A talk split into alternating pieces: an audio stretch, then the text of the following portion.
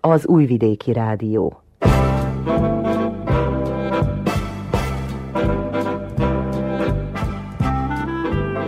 Mozaik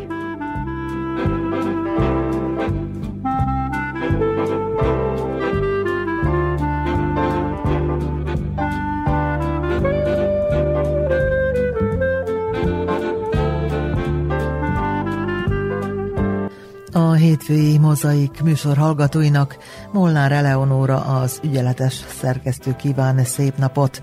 Műsorunk vendége Butterer Kis Márta festőnő, rajztanárnő lesz, három és fél évtized termékeny munkaévál mögötte, számtalan tanítvány lelkében ébrezgette ez idő alatt a művészet lángocskáit, nem csak iskolai órákon tette ezt, de otthonának műtermében és színes kertjének zúgaiban megbújva tanítgatta azokat, akik mindig többet szerettek volna elsajátítani az alkotás folyamatából, vagy éppen középiskolai, akadémiai felvételire készültek a felügyelete alatt.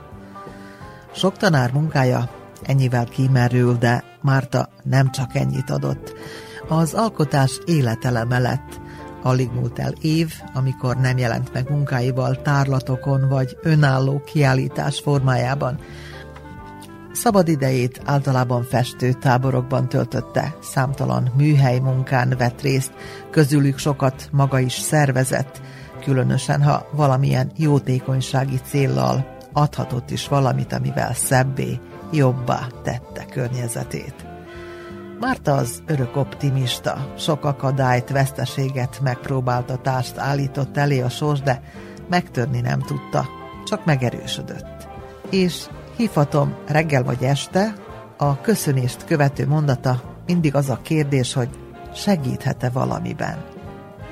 Beszélgető társunk tehát a délelőtt folyamán a derülátó Butterer kis Márta lesz, akivel sok mindenről életről, halálról, múltról, jelenről, a feledendő és a valódi, megőrzendő értékekről beszélgetünk. Ez a kínálat. Tartsanak velünk!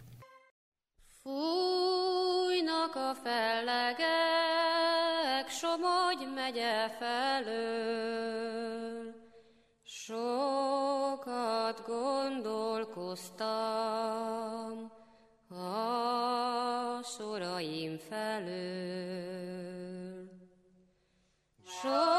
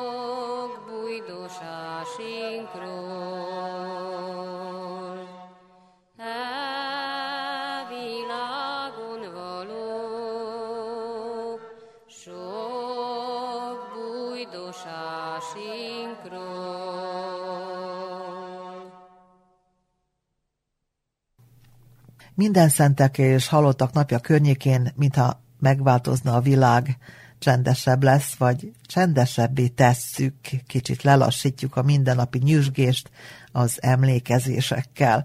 Elmerengünk a régi időkön, ismerősökön, összehasonlítunk távolabbit és újat, rámutatva mai rohanó világ visszásságaira is, azon régi értékekre, amelyeket meg kellene őriznünk egy szemét, és annak a jellemét is csak úgy tudjuk emberi értékeivel együtt bemutatni, hogyha visszanyúlunk a gyerekkorához, ahhoz a környezethez, amelyből indult és táplálkozott.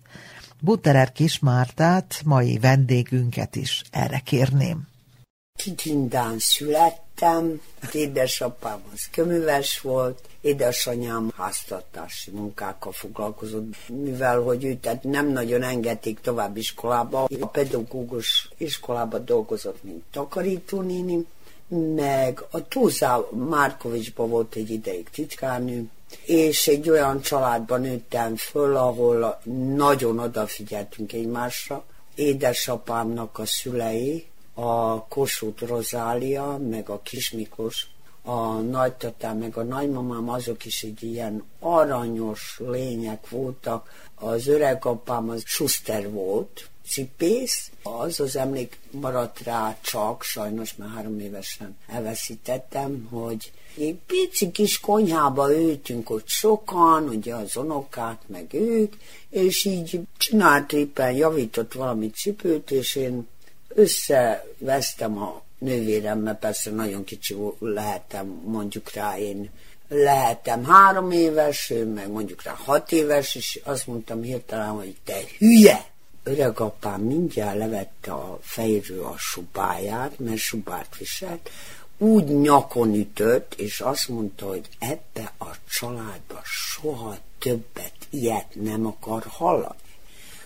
És egy ilyen családban nőttem föl, ahol a nagy anyámnak is a, az édes testvére pap volt, keresztapánk is volt, és ő egy olyan légkörbe, ahol nem volt az, hogy se hülyes, se bolond, odafigyeltünk egymásra, nagyon meg kellett, hogy tiszteljük egymást, magáztuk a szüleinket, és eszem ágában nem volt az, hogy valami rossz szót odaszóljak a szüleimre, azokat úgy kezdtem, hogy Tati megengedi el, hogy elmenjünk, mit tudom én, vagy hogy maga mit gondol, ez a maga, ez nagyon fontos szerepet játszott később is az életembe, mert én is magázok sok mindenkit ma, és ma olyan furcsa, hogy mi magázik. Hát mondom, ez a tiszteletnek a jele. Na, ez nagyon fontos volt számomra, hogy egy ilyen katolikus légkörben, egy olyan légkörben, ahol tényleg érezhető volt a szeretet, bár az is megmarad bennem, hogyha kérdezik, hogy milyen családban nőttem fő, az édesanyám az nagyon-nagyon disziplinált egy asszony volt, aki el is várta, hogy mindenki a saját dolgát végezze, végezze. Nagyon sok verést kaptam, de azt azért kaptam, hogy megtudjam az értékeket, nem azért, mert hát nem szeretett, hanem sőt, hogy egy kemény életre készítsenek. És négyen voltunk testvérek, az első a Marika nővérem, akkor én voltam, a húgom az, meg én közöttem hat év van, és akkor következett az öcsink, az öcsim meg én közöttem 12 év volt, és annak örülök, hogy egy ilyen nagy családba nőttem föl, mert mindig meg kellett, hogy találjam a helyemet, mindeni meg kellett, hogy mutassam, hogy ezt jó csinálom, vagy nem jó. Úgyhogy egy egészséges családban nőttem föl, ami a legfontosabb. Így, hogyha átgondolom az életemet, és rágondolok, hogy milyen személyek azok, akik maradtak bennem. És rádöbbensz arra azok, akik odafigyeltek rád, vagy nagyon sikaníroztak, soha nincs itt közöttük. Az egyik ilyen nagyon fontos személy volt az életemben az óvónéni.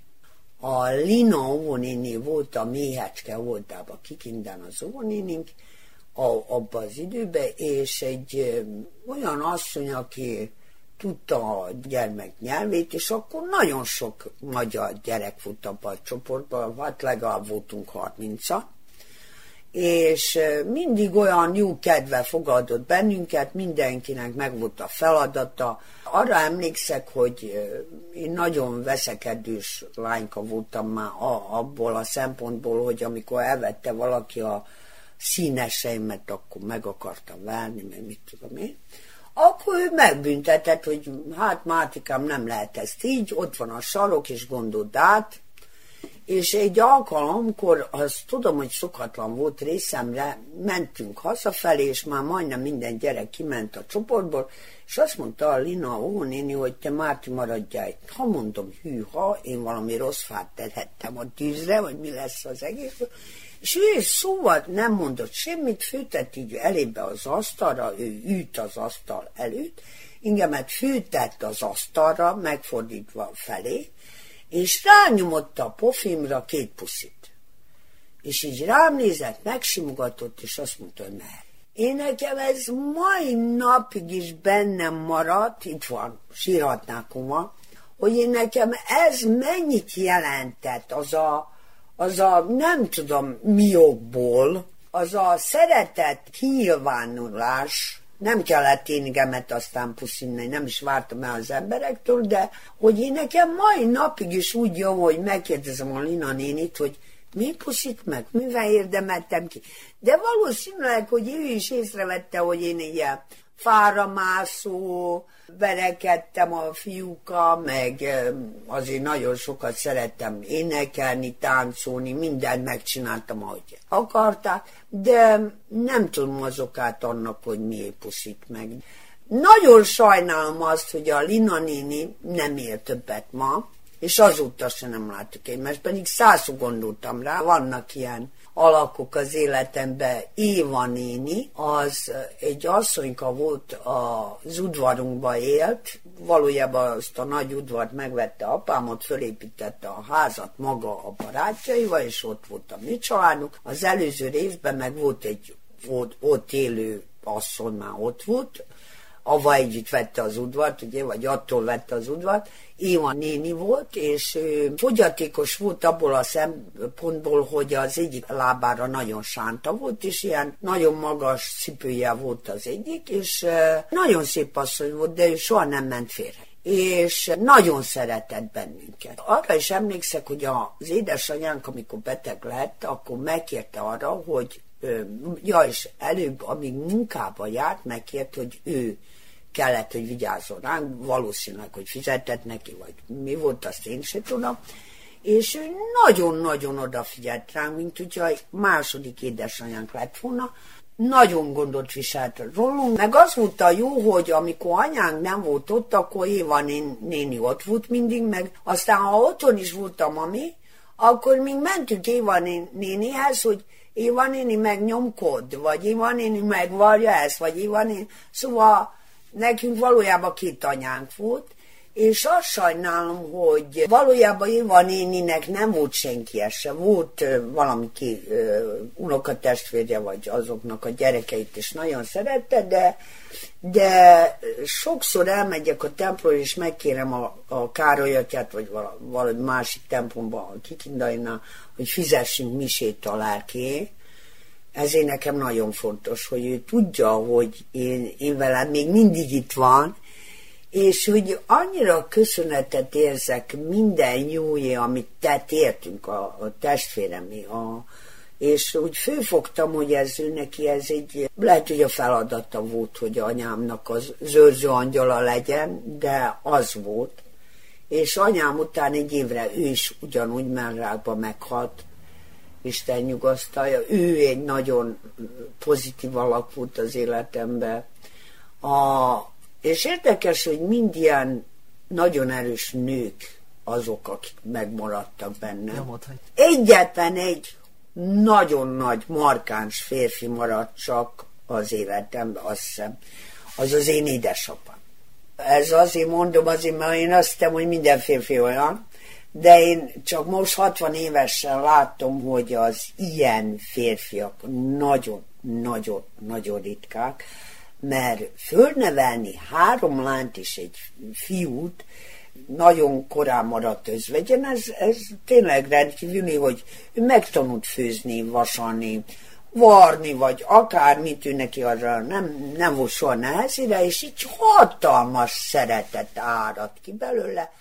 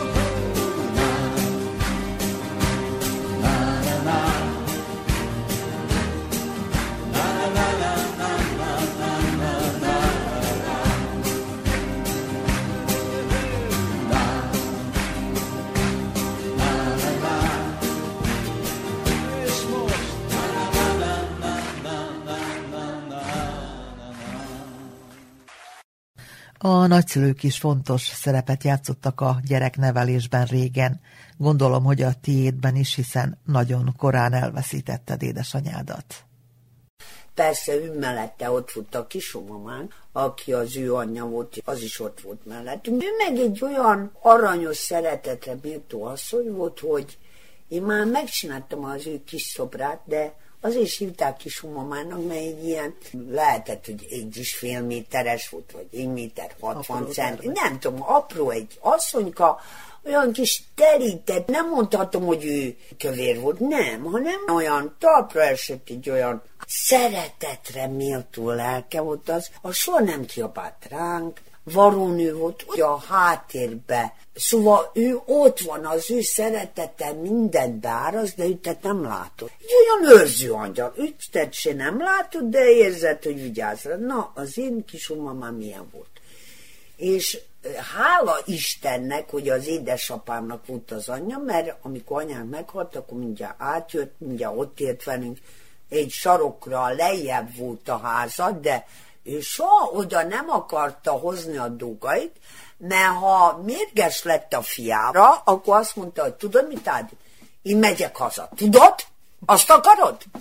és akkor persze, hogy nem ment soha ő haza, de hozta a sok nejlonjait, ott volt a pizsamája, ott volt a ruhája, és tudtuk, hogy ott alszik, de az ő minden nap hazament, bepakolt, visszajött, akkor hozta az orvosságait, akkor hallottuk, hogy csörget ott a, a nejlonjával, akkor már tudtuk, hogy valami orvosságra van szüksége. Nem is tudom, lányom, hogy mi is fáj a lábam, ugyan már eredj haza. Tudod, ott van a, a szekrényt kinyitott, tudod, ott, hát mondom, mama, miért nem hozod, hozza el hozzá? Nem, nem, nem fogok én ide átkötözni, pedig ott volt állandóan. Szóval egy, egy ilyen édes, drága kisumama volt. Volt olyan szerencsém, hogy ilyen emberek voltak körülöttem, akik nem is olyan, hogy megmutassák, hogy most puszilunk meg, mit tudom én, hanem az, A hogy meg, az a törődés. Mondjuk az Évi néni is vágta ott a tésztát az asztalon, hogy megfőzze a krumplis tésztát, nem vettük a tésztát, abban az időben mi az, hogy flancolás volt tésztát venni.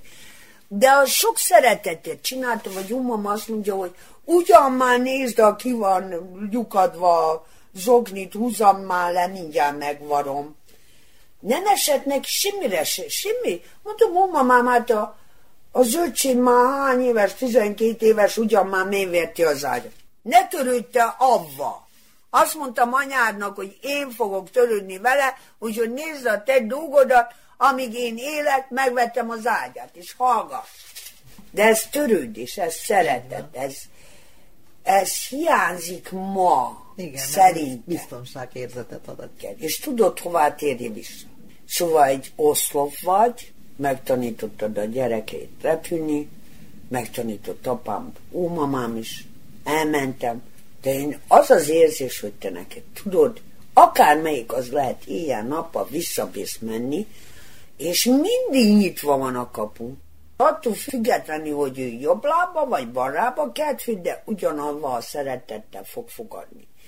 És tudod, az a silalmas, hogy el, hallgatom a napokban is, hogy tegnap is jött az egyik lányka, és azt mondja, a nagymamánkat úgy látszik be kell adni az otthonba. És én azt mondtam a fiamnak, hogy tudod mit fiam, hogyha én majd olyan állapotban leszek, ne adj Isten, akkor engem majd dobjál le a pincébe, és adjál mint a kutyának, csak bemenjek otthonba. De nem tudom. Szóval én átgondolom persze, hogy vannak olyan állapotok, hogy be kell adni, nem ítélem el az embereket, hanem én nekem az a silalmas ma, hogy nincs rájuk idő. Mert megbírnak ők oldani, hanem Csak kifogás. Túl, igen. Hogy nincs rájuk idejük, hogy most ott kellene, hogy legyenek, pedig ők nem igényelnek sok törődést. És az aggaszt, hogy minél többen vannak olyan magányos személyek, mint az a Gizi néni, akivel együtt szoktam járni templomba. És én nekem az volt a szörnyű, hogy egy ideig nem láttam, és mondom, Gizi néni, hát hol van maga, miért nem láttam a templomba? Hát azt mondja, én már 80 valány éves vagyok, mondom, 80 valány éves, hát mondom, ahhoz képest nagyon jól néz ki, bár tudtam, hogy egy nagyon nehéz operációja volt a személyére, azt mondja, az is eltartott, meg mondta ott, nem nagyon panaszkodott. Mondom, jó van, akkor elviszem ma haza. Ugyan már azt mondja, itt van a posz. Mondom, nem, nem, nem, nem, nem, hát nem esik én nekem nehezemre, a templomba elviszi a kocsi, nem én. És elmentem, éppen húsvét előtt volt, azt hiszem, vagy húsvét volt. Azt mondja, hogy már jöjjek egy kávéra, mondom, nem sértek, de jöjjek fő, mert ő úgyis maga él, és nincs senki sem. Ha mondom, fő kell, akkor hogy mennek. És főmentem, az az asszony, én nekem nem tudta, mit, az örömibe, hogy mit is hozzá. Mondom, nem kell én nekem semmi se. És akkor így elbeszélgettünk, és azt mondja, van ő neki fia, de az Németországban él, és fő is hívja. De ő neki nincs itt közel se rokonja, senki se, az a rokon is most lerokkant ott valahol, nem tudom, zombor felé. És azt mondja, Márta, nem tud egy asszony például, aki eljönne egy héten egyszer, csak megnézni, hogy élek-e még. Mondom, de Gizi hogy gondolja, hogy élem én csak attól félek, hogyha meghalok, akkor nem talál senki se rám. Én nekem ez a mondat itt van. És hányszor eszem, a múltkor is arra mentem a limán felé, és főhívtam a Gizinén, persze nem vette fő mindjárt, nem tudom most, amiben jöttem. Már megjettem. Mondom, és én most mit csináljak? Na és még egyszer főhívtam, na akkor fővette, jaj, mondom, jó van, akkor mondom, Éva Gizinéni megkértem az egyik barátnőmet, hát szóval őtet is megértem, ő is beteg, de megkérdeztem, hogy jó van, a Gizinének készen van fizetni is, ő tudom, hogy takarítani is járt, és mondom, hogy nem -e akarja például megnézi egyszer a Gizinén. Azt mondja, hogy tudod, Márta, én meg attól félek, hogy én találok rá. Én megértem ezt, és megértem azt is. De ez nagyon szomorítja az engemet, szóval nincsen mindenkinek empátiája. De azt akarom mondani, hogy a, a mi családunkban ez annak idej, annak idej. Nem lehetett el se képzelni, hogy valaki idős, és azt na, beadod valahol, és akkor avval be vagyunk fejezve. Régen az természetes volt, hogy a család gondozzál. Igen, az is természetes volt. Én emlékszek rá, a nagymamámnak ott vigyázott a nagymamám, elmentük hozzá a két-három napig, és éppen magam voltam, nem tudom, hol volt a Marika, lehet, hogy az iskolában, meg óvodás voltam, már nem tudom. És azt mondja, mama, hogy megyünk a szomszédba virasztani. Mondom, mit csinálni? Kicsi voltam, azt sem tudom, mi az a virasztás. Azt mondja, Veronka néni haldoklik, és átmenjünk virasztani. Mondom, Jézus anyám, gondolom magamban, hogy haldoklik egy néni, és mink ott ülünk, hát mondom, jó. Nem volt én nekem szörnyű, csak az, hogy azt mondta a nagymamám, hogy haldoklik. Az első halál az a nagytatám halála volt, arra is emlékszek, hogy sokáig azt álmodtam, hogy egy csontváz szalad utánam, és hogy ez volt a szembesülés a halála, mint kislány. És akkor én nekem ez szörnyű volt, hogy most ez jön a csontfáz érte, vagy mi. Kislányként gondolkozunk. Na, és akkor átmentünk. Ó, mamám, az ő szomszédasszony. Ott egész éjjel mellette én leüttem, közben aludtam, aztán fölébredtem, nem tudom, ültünk egy ideig. Lehet, hogy nem egész éjjel, én nekünk csak úgy tűnt. Ott vigyázta a szomszédasszonyt, és imádkozott az ő lelkét. Ma? Ma kiviszik az embert a temetőből, gyorsan bedobják abba a sírba, milyen virasztás, milyen... Nézik már az úrát az emberek, hogy elnek ésenek valami. Ezért nekem a szörnyű, hogy egy ember ét, ahogy mondta Béres Márti, hogy az a szörnyű, hogy mekkora az élet, hogy az, ki van írva a sírodra, hogy a mikor születi, és az a pici kis vonal az az életed, a halálod életei, hát az szörny. Na, jó van, az a kis vonalat véget ért, és akkor meghaltál, és az a nagyon nagy tisztelet most megjelenni a, a síromnál, vagy mi, mi. És akkor nézed az órát.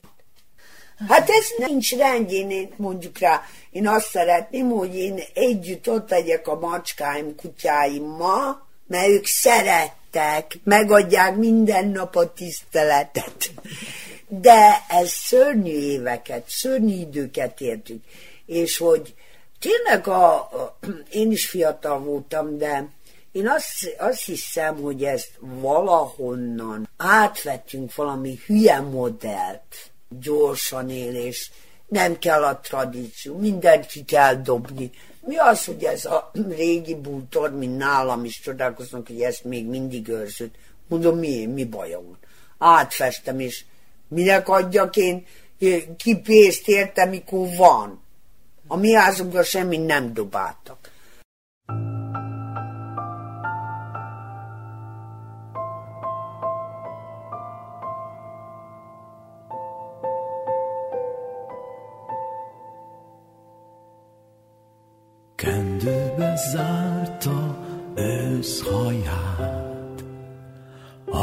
Ahogy a régi nagymamák, s ha látta, apánk nem figyel, esténként súgva kezdte el. Tedd össze így a két kezed, így teszi minden jó gyerek, s szomorú szemmel mért, s nevettünk Isten tudja miért. Nézd csak fel, az ég magas, bár azt mondják, hogy nem igaz. Jártak ők, a repülők, és nem látták. Sehol.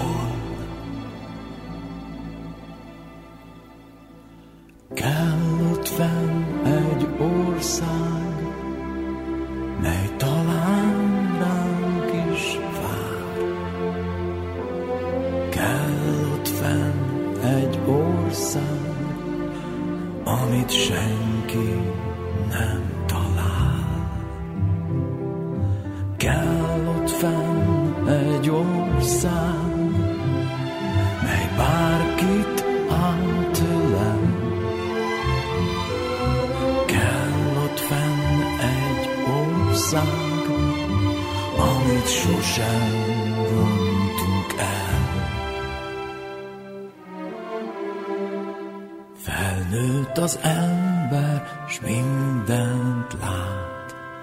Szobánkban ott a nagy világ, melyből egy gyermek mit sem ért. Egy kőre hajtja kis fejét, az arca szép, nem álmodó, nem kelti fel már ágyú szó. Csak egy hang szól, halk és fáradt, mint egy régi altató.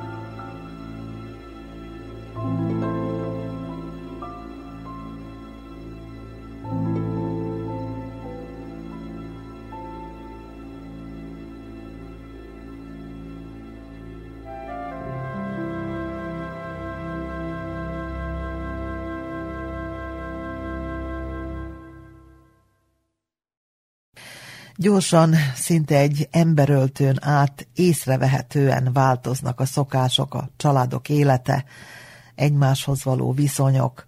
Megállapíthatjuk, hogy elvesznek az értékek, sok minden átértékelődik, és a mai fiataloknak már ez jelenti a normálist, vagy az elfogadhatót. Na, de hogy visszatérjek erre a, a, az értékekre, meg erre a virasztásra, meg arra is emlékszek, Nori, emlékszel, mikor lovakkal temették a halottakat, ilyen lovas kocsik Igen. voltak, mind a fiákért csak volt teteje, és bent volt a koporsó, és utána mentek az emberek, az egész városon, vagy a falutú faluig mentek. Ja, mert a házba virasztottak. Igen. És vagy lovaskocsival, vagy a Szent Mihály lován emberek vitték ki a koporsót végig a falun a temetőbe, és akkor a gyászoló népe a koporsó után felsorakozva kikísérték a halottat. De az egész helység. Persze, mindenki, akinek jelentett valamit a Igen. Személy. De a többiek, akik meg, meglátták, azok leálltak, tisztelet. Még elment a mellett. És ma még azok is, akik eltemetik, most mondtam, sietnek a dolgukra, és elfelejtjük azt, hogy mi nekünk lelkünk. Lelkünk. Én köszönhettem a szüleimnek, a nagyszüleimnek, a keresztapám, hogy ezt az én lelkemet kezdték nevelni, vagy kezdték ápolni, és hogy mindig voltak olyan emberek környezetemben, akik vagy megérezték a lelkemet, vagy volt olyan szerencsém találkozni a diákjaimmal, és olyan tantárgyat ad, adni elő, ami az ember lelkével foglalkozik. És nagyon aggódok, hogy a következő generációkon dolgoznak, vagyis nem dolgoznak, ez az online oktatással foglalkozott, hogy minél többet maradjunk otthon, és, és ne lássuk egymást, és ne neveljük a gyerekeket.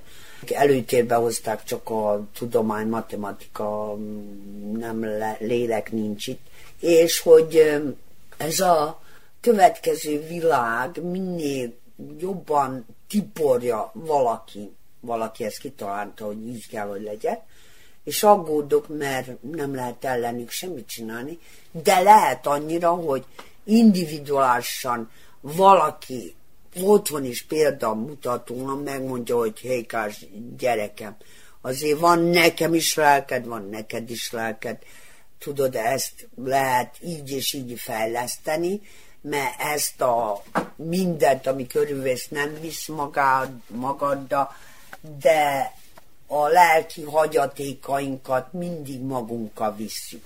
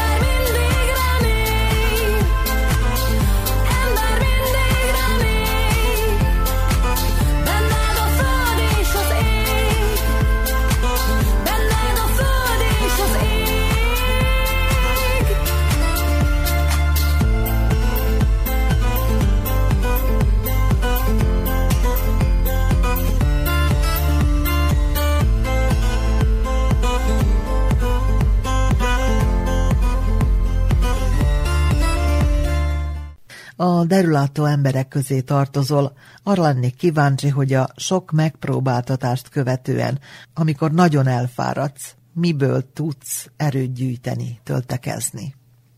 Miből veszem? Hát a Jóisten. Abba, hogy hiszek ab, abba a Jóistenbe, amiben hitt az én nagymamám az őseim Bibliáját átadtam 18 éves korára a fiamnak, és rózsafűzér tagja is vagyok, és úgy, tudod, úgy, mikor az aggodalom elfog néha, ami emberi, és ilyen nagy problémáim vannak, akkor um, tudom, hogy nem vagyok magam.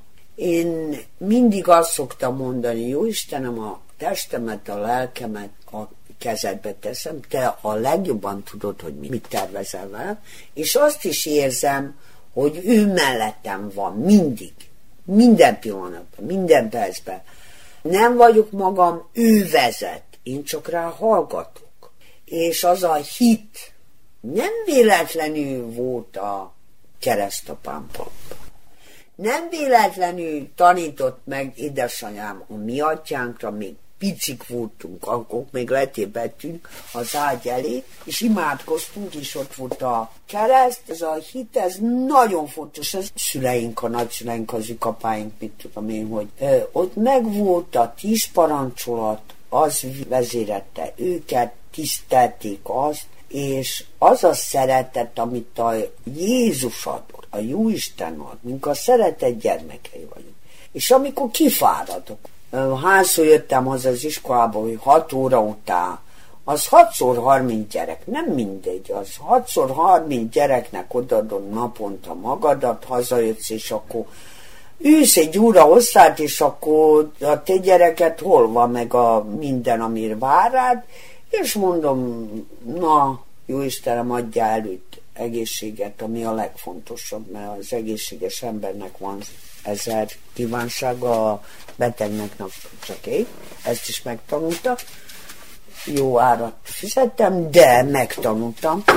És azt akar mondani, amikor meg nagyon el vagyok fáradva, a legnagyobb szeretetet érzem, és a legnagyobb harmóniám, az a világ, amit teremtettem, mert mi is teremtők vagyunk, azt teremtjük, amit gondolunk, amit mondunk, amit ütetünk, kimegyek a kertecskémbe, úgy rengeteg növényt elütettem, amit láttál, a, a, ami, az én nagymamám is kiment a kertjébe, ott elmútoszkált, levette, ott egy harmóniába állította a lelkedet, a testedet, az állatvilág a legnagyobb szeretetem. Muszáj sok állatom legyen.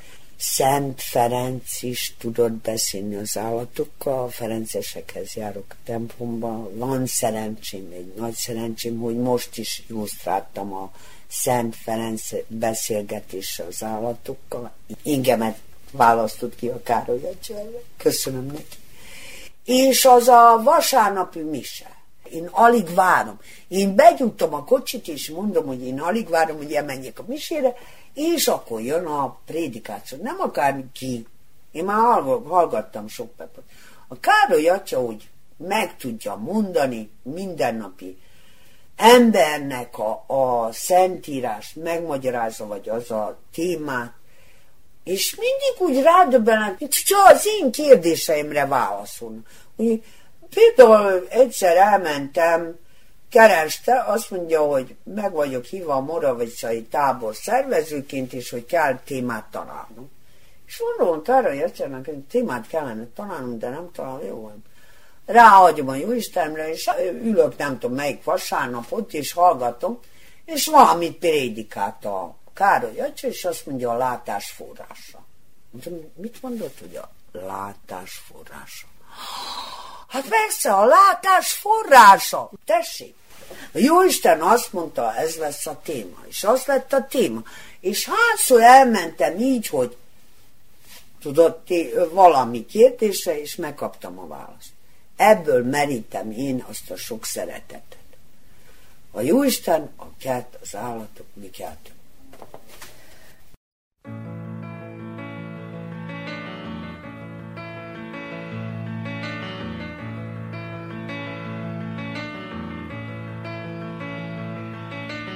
Most is várod még álmod szép ígéretét, Várj, még fel kell majd a nap. Ha látni sejtenéd, mi az éjben olvad szét, Várj, még fel kell majd a nap. Egy új nap mindig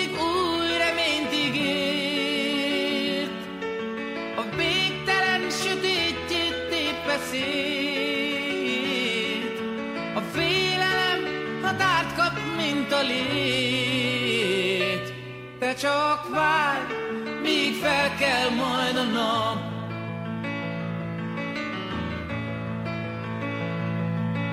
Ha meggyötört az ég, ha a múltat feldagadt, várj, még fel kell majd a nap. Ha kell, hogy tiszta légy, mint gyermek önmagad, várj,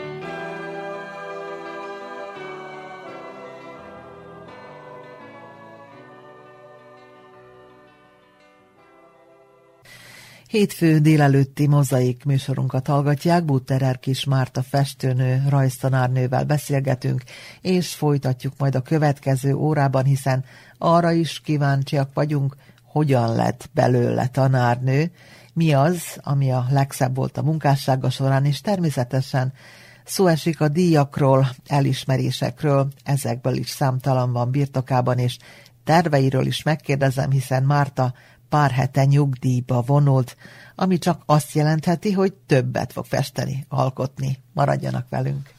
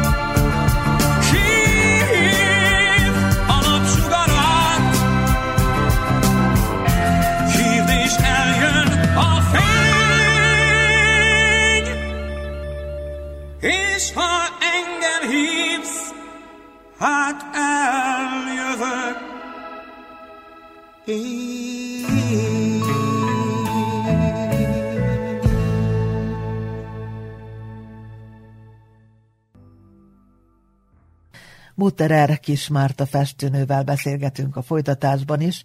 Márta több vele készített beszélgetésben elárulta, hogy ő már gyerekkorában tudta, hogy festő lesz. Valóban így van? Én azt hiszem, hogy külön szeretett a Jóisten engem, mert úgy küldött a földre, hogy lássa a célját mindjárt, mert vannak olyan emberek, akik nem látják. Én, én szerencsésnek érzem magamat, mert én tudtam mindig, én valahogy úgy is éreztem, és úgy néztem a világot, és én na, ott tévedtem, hogy én azt hiszem, hogy minden ember olyan, mint én. És ugye ez úgy olyan normális dolog, mint ahogy valaki beszél, vagy valaki hall, akkor mindenki tud rajzolni. Én sokáig azt hittem, hogy nincs külön adottságaim, hanem ott vettem észre, zóvodában például. Csináltam valami kis kifliket agyagból, az én fantasztikusan sikerültek, meg tiszta kiflik voltak, a zitái meg semmilyen se nem lett, és a zita elvette tőlem, és azt mondta, hogy ez az övé, és hazaviszi. És akkor elkezdtem mondani, hogy Jékár Zita az nem a tiéd, de a tiéd mire hasonlít. És akkor vettem észre, hogy nem vagyunk ugyanolyanok. Aztán mondtam apámnak is, hogy mi nem épít műtermet, mert én úgyis festő lesz. De arra emlékszek, hogy ott vettem észre, hogy mint képzőművész nézem a világot, hogy hogy néz az olyan felül, ilyen felül, amit a kreatív emberek látnak, hogy ez nyuszira, vagy mit tudom én, mire hasonlít.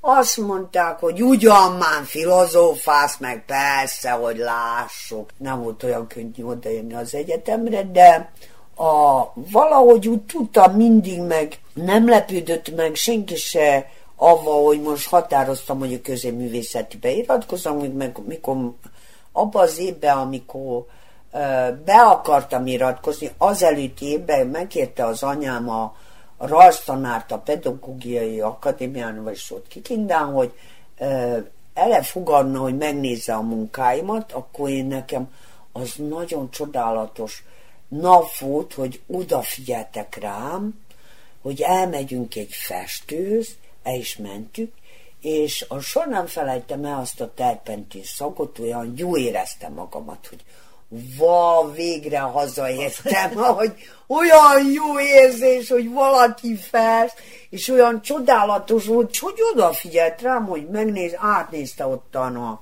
a munkáimat, véleményezett egy kicsit, mondott valamit ott az anyámnak, és az anyám végre megmutatta, hogy büszke rám. Először vettem észre, hogy az édesanyám büszke rám. És úgy tudtam, hogy ez az utam. Aztán meg édesapám, mivel hogy anyám már, már nagyon rosszul volt, a merrákja az rosszabbodott, operáltak minden, a középművészetiben nem volt az a főkészülés, hogy mind most főkészülnek a gyerekek egy-két évig, nem volt az, azt sem tudtam, hogy mi vár rám a fővételvizsgál. Apám elhozott ide, haza is kellett, hogy menjen. De én nekem az volt először életemben, az első kirándulásom egy nagyvárosban. Életemben én nem voltam, hogy sokan voltunk testvérek, egyszer voltam a tengeren, ötödikbe az utas, és sehová se nem jutottunk el, és hogy Novi Szádra jövök, wow! Azt én úgy gondoltam, nem néztem, én nem voltak akkor ilyen, hogy interneten megnézed, vagy mit tudom én, filmek, vagy mi és megbeszélte előre, hogy a rokonom majd ott alszok, és hogy itt hagy. Arra emlékszek, hogy én nagyon nem bírtam a buszokat, apám azt mondta, hogy jaj, megérkeztünk, addig nem is néztem ki az ablakot, kimentünk, és itt ránéztem a bulevárra, az, az, az, az megnéztem, és így megdobbant százszor szívem, és azt mondtam, ez az én városom. Mindjárt beleszerettem, én tudtam, hogy ez lesz a sorsom. Én úgy, ahogy tudtam, hogy festő leszek, én úgy tudtam, hogy újvidék lesz az én városom. Én úgy, ha nem is szeret újvidék, de én őt nagyon szeretem az első pillanat. És elmentem a fővételére, apám persze aznap haza kellett menni, mert a három gyerek ott várt, a haldokló felesége, vagyis nagyon rosszul volt az anyám, itt hagyott a rokonna, a Marika elvitte, a, a, vagy selkísért, Kimentem, szobrászat, rajz, minden, fűvettek, az én boldogságom. Egész az égig élt. És akkor itt maradtam, aztán, aztán mikor befejeztem a középművészetit, akkor apám, azt hiszem, hogy apám elintézte azt, hogy első önálló kiállítás. én nekem megvan az az első önálló kiállításom, Nórikám pontosan 18 éves voltam. Pont befejeztem a középművészetét, és az édesapám maga berámázta a plakátja. Minden magam csinálta, megbeszélte a, a helyi közösséggel, igen, a Milan Francuszki a helyi közösségbe, aki Kindán, annak a második reonnak a helyi közösségében, hogy ott lesz az első kiállításom, akkor már édesanyám nem ért, a harmadikban mihez fővettek meghalt, sajnos, a, a, az nagyon lesújtott, és az egész középiskola ilyen depressziós voltam. Apám oda nem tudom mennyi embert hívott, és nagyon büszke volt, hogy itt van. Én nem mondjam, hogy milyen boldog voltam, hogy na látod, itt van első önálló kiállítás. És aztán ott van az egyetem, később persze az egyetem, nem vettek fel. És én hazamentem, és azt mondtam az apámnak, hogy én nem fogok kérni. Én ebbe belehalok. Engemet nem vettek föl az egyetemről, nem fogom én ezt átélni. És az volt a szerencsénk, hogy a, abba az évben bevezettek egy olyan törvényt, hogy a, a fiúk el kell, hogy menjenek kat, katonasságba egy évre, és akkor azok, akik alattuk voltak, azok bemehetnek az akadémiába. Az én is ott voltam. Az volt a legnagyobb boldogság az életemben, fűvettek, és persze, hát azok az elsők ottan, azok elvesz. Van, aki megmarad, de főleg elvesztek az emberek. Nem is lettek művészek, bennünk és én nem gondoltam, hogy tanár leszek. De azt tudtam, hogy festeni akarok majd mindig, és akkor így befejeztem az össziskolát.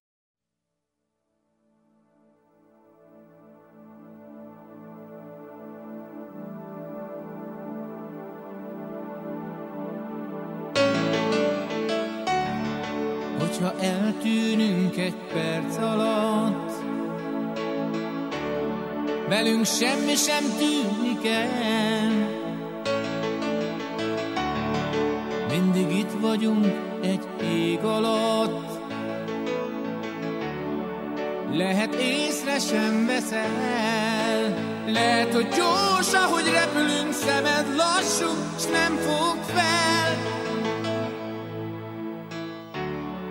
De a gyermeket már észrevett, bámulták szemmel ránk,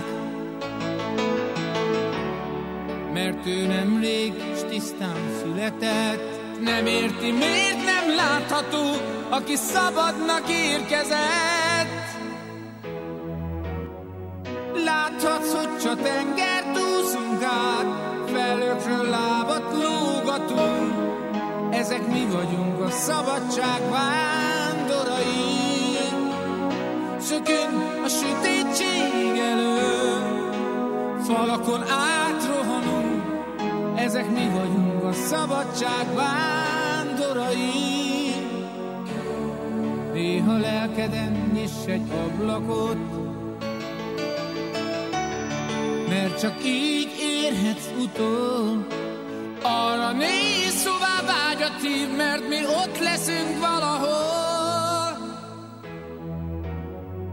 Láthatsz, hogyha tengert úszunk át, felőkről lábat lógatunk, ezek mi vagyunk, szabadság vándorai.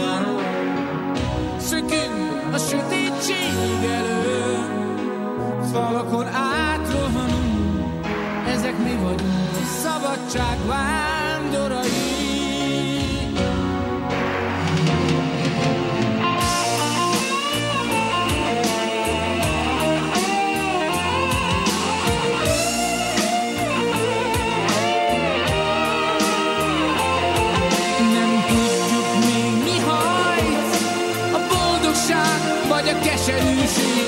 Egyik biztos hív, a másik biztos, hogy eltaszít rég, ezért menni kell, addig míg így.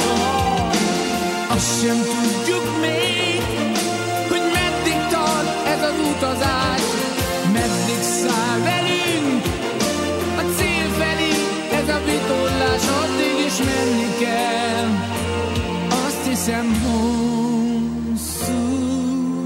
az út.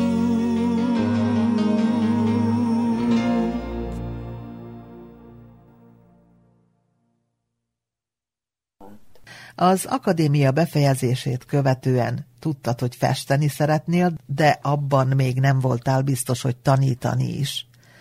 Nem is az iskola lett az első munkahelyed. Az első munkahelyem az takarítónéni voltam, mivel hogy nem kaptam mindjárt munkát, akkor ott a, azt mondta az anyósom is, hogy én nem lehetek abba a házba, mert ők fognak kitartani, meg az is volt a célom, hogy apám hátán se legyek. És akkor beláttam, hogy persze, hogy hát én neki muszáj valamit dolgozni, akkor elmentem takarítani, mi az? Volt diplomám, de az is egy tisztességes dolog. Azt mondta anyám, minden tisztességes dolog dolgozni, csak a sarkon ne álljál, szóval na, ne add a testedet. És akkor elmentem takarítani, csináltam azt egy ideig, akkor kerestek a vásáron, és kávéfűzön, azt is elfogadta. Az volt a célom, hogy hát valamit dolgozok, valamit termeljek. Persze nem voltam boldog, nem az én iskolázott apám. Aztán meg valaki szólt, hogy kikindel keresnek rajztanát. Jó, akkor én gyorsan beadtam a pályázatot, az a Zsárkoz Renyanin iskola volt a Mikronászén, megkaptam egy évig ott tanítottam, de váltottam fel a kolléganőmet, és ott nagyon-nagyon élveztem. Persze nehéz volt, mert nagyon fiatal voltam és tapasztalatlan, és megettek a gyerekem, mert ilyen barátnak néztem ki. Szóval nem, nem úgy néztem ki, de talán. És aztán meg azt hiszem utána már bejöttek ilyen százalék szóval meg Kácson, millió egy helyre utaztam. A végén így kötöttem ki a Petőfibe. És itt hát elég sokat dolgoztam a Petőfibe, 91-2-ben, nem is tudom már mikor kerültem ide, egész a mai napig. A 35 év gyorsan elrepült. Ha így visszapillantasz, elégedett vagy? Úgy tűnik, hogy minden egyes napomat úgy okosan kihasználtam, úgy mindent beladtam meg ez szakma tényleg, hogy megmondom a kollégánknak is, mindig készen állok segíteni. Ha valamit nem tudsz, kérdezd meg. Nem mondom én, hogy a legokosabb vagyok, de 35 évig valamit csinálni, hát én most már improvizálhatok neked órát, amilyet csak akarsz, ahol akarod, vízbe, mezőn, akárhol, én olyan órát csinálok neked, amilyet meg is jegyzel. Egy pár napja fűtettem azt a Facebookra, mert hogy nyugdíjba mentem, vagy sikerült elmenni, és akkor a rengeteg komment között, persze nem olvastam én mindet el, de valahogy megjegyeztem, hogy jelentkezett a volt egyetemista, most már befejezte az egyetemet, a Tordai Csorba Emil Gratulálok, tanárnő, boldog nyugdíjas éveket kívánok, élvezze ki minden percét. Köszönöm azt a sok hasznos tanácsot, amit adott azokon a bizonyos metodika gyakorlati órán, mint mentorom, sose fogom elfelejteni. Nem csodálatos. És ez a visszajelzés, és te akkor tudod, nem a fizetésem, nincs olyan fizetés, ami ezt meg lehet, ezt az érzéseket, ezt a generációban megmarad valami, ez egy, mi mindenki porszem vagyunk, és ez tudni kell, hogy porszemek vagyunk, és hogy azok is maradunk, de ez a kis porszem úgy is kell, hogy viselkedj, hogy nem úgy, hogy te fölötte vagy a gyerekek fölött, és mindenható vagy, hanem azt nézed, hogy kihozzad belőle a maximálisat, és hogy te a háttérben legyél, te nem olyan fontos vagy, nem én vagyok a fontos itt, Eddigi munkásságodért, művészeti alkotásaidért számos díjat, elismerést kaptál. Melyiket emelnéd ki? Nem fontos az. Én nekem ez az elismerés, hogy a, az utcán, a múltkor, és velém jön egy fiatal ember, és úgy integet, nem mondom, hátra néztem, kinek integet, és velém jön, és úgy kitárta a két karját, és Na, aztán is, na mondom, ez én felélem, de nem tudom, hogy kicsoda. És úgy oda jött, és megölelt. Mondom, te kicsoda vagy? Azt mondja, hát a Vladán Mitrovics. Jaj, mondom, rémlik most már, hogy hová is tegyek. Azt mondja, hogy Jaj, tanárni, én úgy örülök, hogy látom. Az, hogy örül, hogy lát.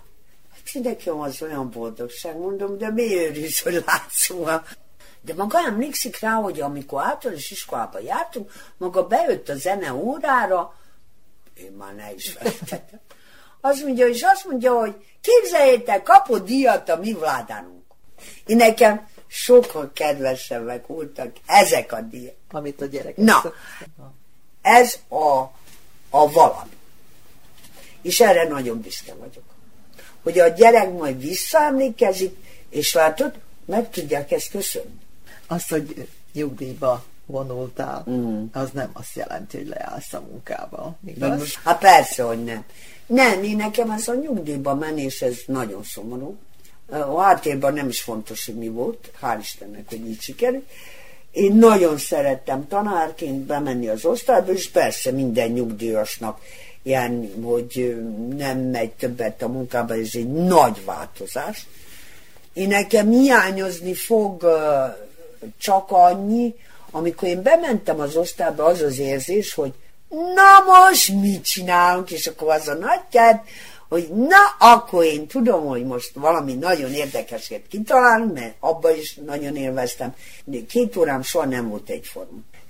Ha átlagosan minden évben 400 tanuló volt, akkor az mennyi 35 év alatt?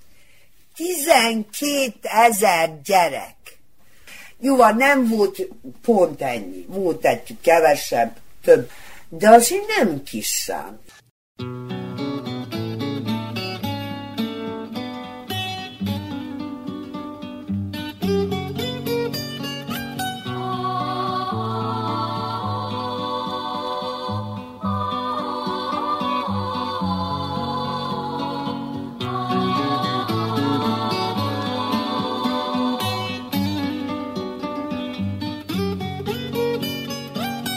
Kérdeztem az éjszakai csendtől, kérdeztem, de néma volt, és a száz alakban visszatérő kérdés, mit akarok, mit akarok tőled én?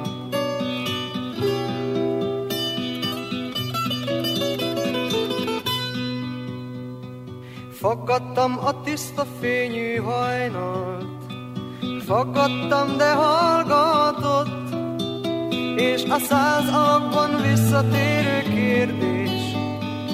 Mit keresek, mit keresek nálad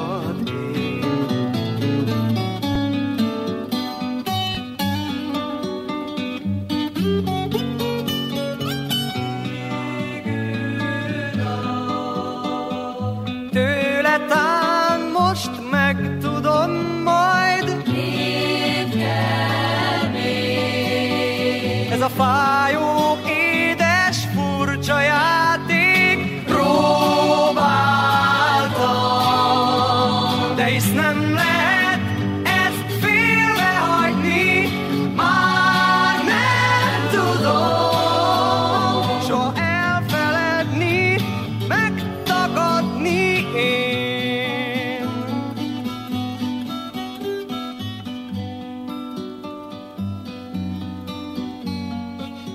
Kérdeztem a bíbor színű alkonyt, Faggatom, de nem beszél. És a száz alakban visszatérő kérdés, Miért szeretlek, miért szeretlek mégis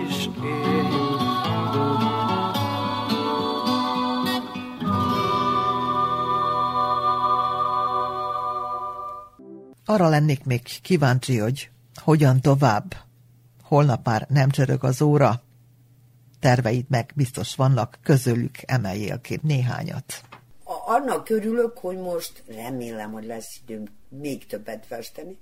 Most rendezem, én rendezem a generációnknak a 42 éve, hogy befejeztük a középművészetit, na most összetoborozom azt a társaságot, és most beszélek meg éppen így ilyen ö, közös kiállításunkat, és nagyon büszke vagyok arra, hogy épp én vagyok az a kulcsember, aki összehozza a generációt. Ez nekem a legnagyobb elismerés. például a Mezei Elsi kolléganőm is most beajált a Kanizsai galériába, hogy ott is legyen egy önálló kiállításom, akkor a galéristával megbeszéljük, hogy az december elején legyen. Már van anyag, de ott is azt nézem, hogy ne éppen mindent, amit már láttak, hogy még hozzáadjak. Terveim, igen, ma is hívtak, hogy már jövő szeptemberben menjek egy táborba. Hát mondom, ó, egy évre van csak. Napközben is millió egyen hívnak, vagy... Na mondjuk, de a legjobban félek magam. Azért, mert én minden hülyeséget kitalálok, és akkor így mondom, jaj, ezt is fogom realizálni, meg azt is, és akkor így valami nagyon jó ötlet bejön, és akkor azt mondom, hogy Márta nyugodjál, ne gondolkozzál, mert az ki tudja, hogy mi lesz az egész. Így előre nem is merek, mert ahogy a jó, az ember tervez, a jó Isten meg végez. Butterer Mártának köszönöm a beszélgetést, boldog, önfelett alkotói éveket kívánok neki, és még sok-sok kiállítást, festőtábort, műhelymunkát, és sok-sok új tanítványt is, hiszen művészetet csak attól lehet tanulni, akinek ilyen szép lelke van.